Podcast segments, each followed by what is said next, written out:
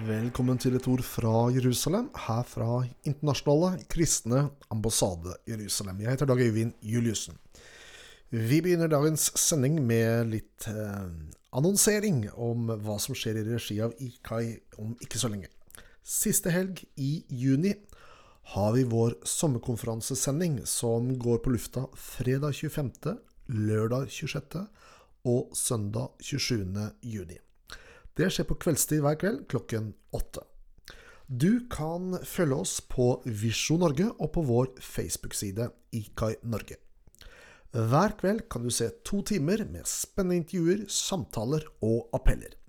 Vi åpner første sending med fokus på unge og Israel. På lørdagen er tema IKAI og Israel. Og vi avslutter med tema Kirken og Israel på søndagen. Sett av disse kveldene for å ta del i vårt fellesoppdrag og visjon. Vi har en eh, god deltakerrekke. Vi har en gjeng med ungdommer som blir med oss.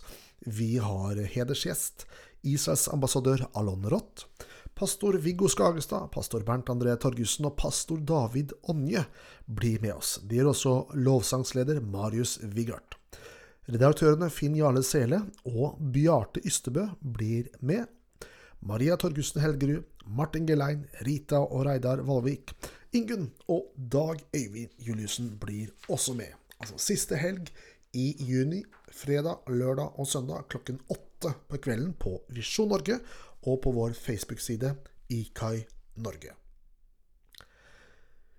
En ny meningsmåling viser at palestinarabernes støtte til terrorgruppen Hamas øker dramatisk.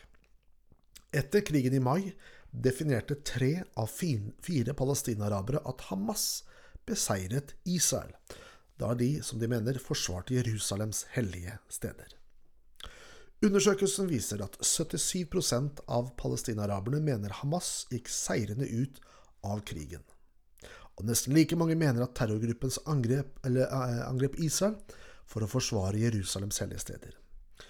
Og avkrefter at rakettregnet mot eh, sivile israelere hadde tilknytning til den eh, interne konflikten mellom Fatah og Hamas. Meningsmålingen fra Palestinian Center for Policy and Survey Research viser også at 53% av palestinaraberne mener Hamas er partiet som mest fortjener å representere og lede det palestinske folket, og at kun 14% foretrekker Mahmoud Abbas sitt parti Fatah. Mahmoud Abbas avlyste i vår det første valget i de palestinske områdene siden 2006. Abbas la skylden på Israel for avlysningen. Hamas, som la an til å vinne valget, var sterkt uenig i avlysningen. Hamas vant også valget i 2006, men etter en intern, blodig konflikt mellom de rivaliserende terrororganisasjonene tok Hamas kontroll over Gazastripen og Fatah over Judea-Samara, eller Vestbredden. Det internasjonale samfunnet har definert Hamas som en terrororganisasjon, og anerkjente Abbas sitt Fatah som eh, palestinernes myndigheter, til tross for at Abbas nå sitter på overtid som president og stadig på nytt avlyser annonserte valg. Det er derfor Abbas sitt Fatah som mottar milliardene med internasjonal bistand, til tross for at presidenten forsvarer belønningssystemet for at alle palestinere dømt for terrorisme mot sivile jødiske israelere, og at alle palestinske skolebarn systematisk indoktrineres til å hate jøder og hylle selvmordsbombere og andre terrorister. Statsminister Naftali Bennett og USAs president Joe Biden snakket sammen på telefon søndag kveld. Bennett takket president Biden for hans varme ønsker ved innsettelsen av den nye regjeringen og for hans mangeårige støtte til staten Israel, ikke minst under den nylige operasjonen i Gaza. Bennett bemerket at han anser Biden som en stor venn av staten Israel. I samtalen understreket lederne viktigheten av alliansen mellom Israel og USA, samt deres gjensidige forpliktelse til å styrke båndene mellom de to landene og opprettholde sikkerheten til staten Israel. Det hvite hus sa i en uttalelse etter samtalen at president Biden snakket i dag med statsminister Bennett for å gi sine varme gratulasjoner til statsminister Bennett. President Biden fremhevet sine tiår med standhaftig støtte til forholdet mellom USA og Israel og sin urokkelige forpliktelse til Israels sikkerhet. Han uttrykte sin faste intensjon om å styrke samarbeidet mellom USA og Israel om de mange utfordringene og mulighetene som regionen står overfor. Lederne ble enige om at de og deres være, skulle, teamene deres skulle konsultere tett om alle forhold knyttet til regional sikkerhet, inkludert Iran.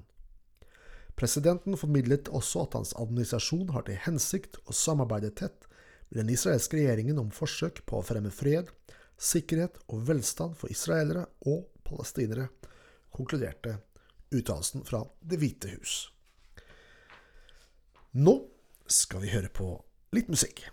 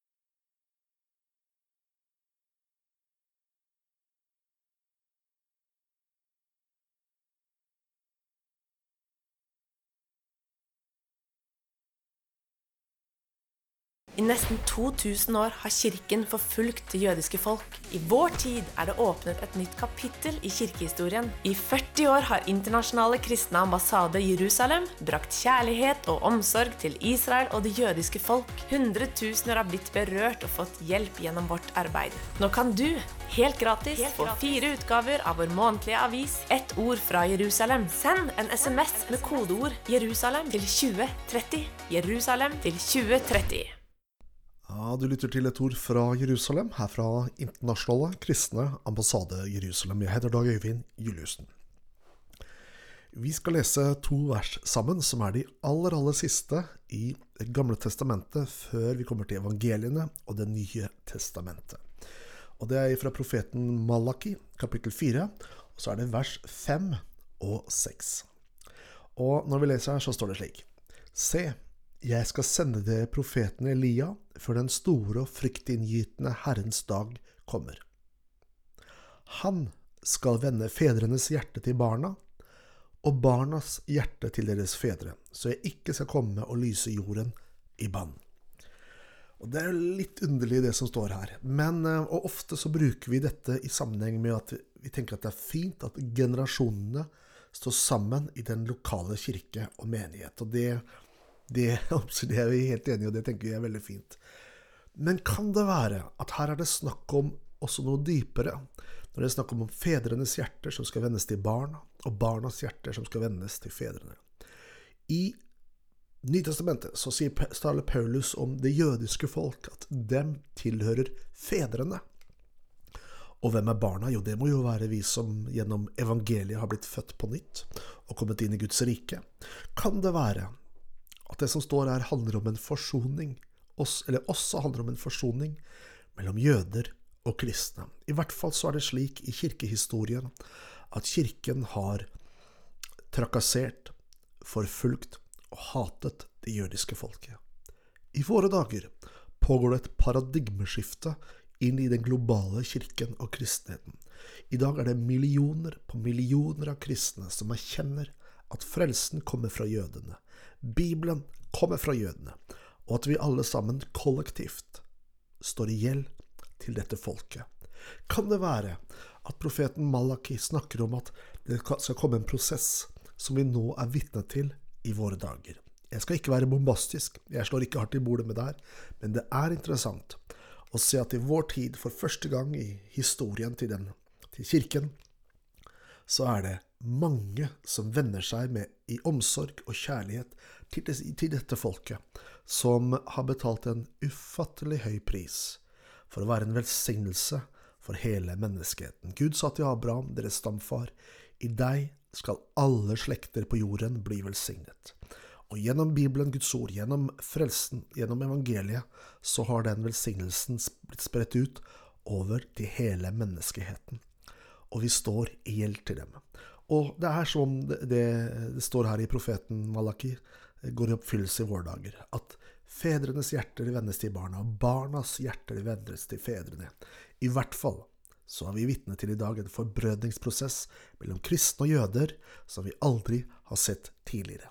Og vi i Internasjonale kristne ambassade i Jerusalem står midt oppi denne tjenesten, midt oppi denne prosessen, hvor vi ønsker å være med å endre historiens gang, slik som vi er vitne til i våre dager. Du har lyttet til et ord fra Jerusalem, fra Internasjonale kristne ambassade Jerusalem. Jeg heter Dag Øyvind Juliussen og ønsker deg Guds rike velsignelse.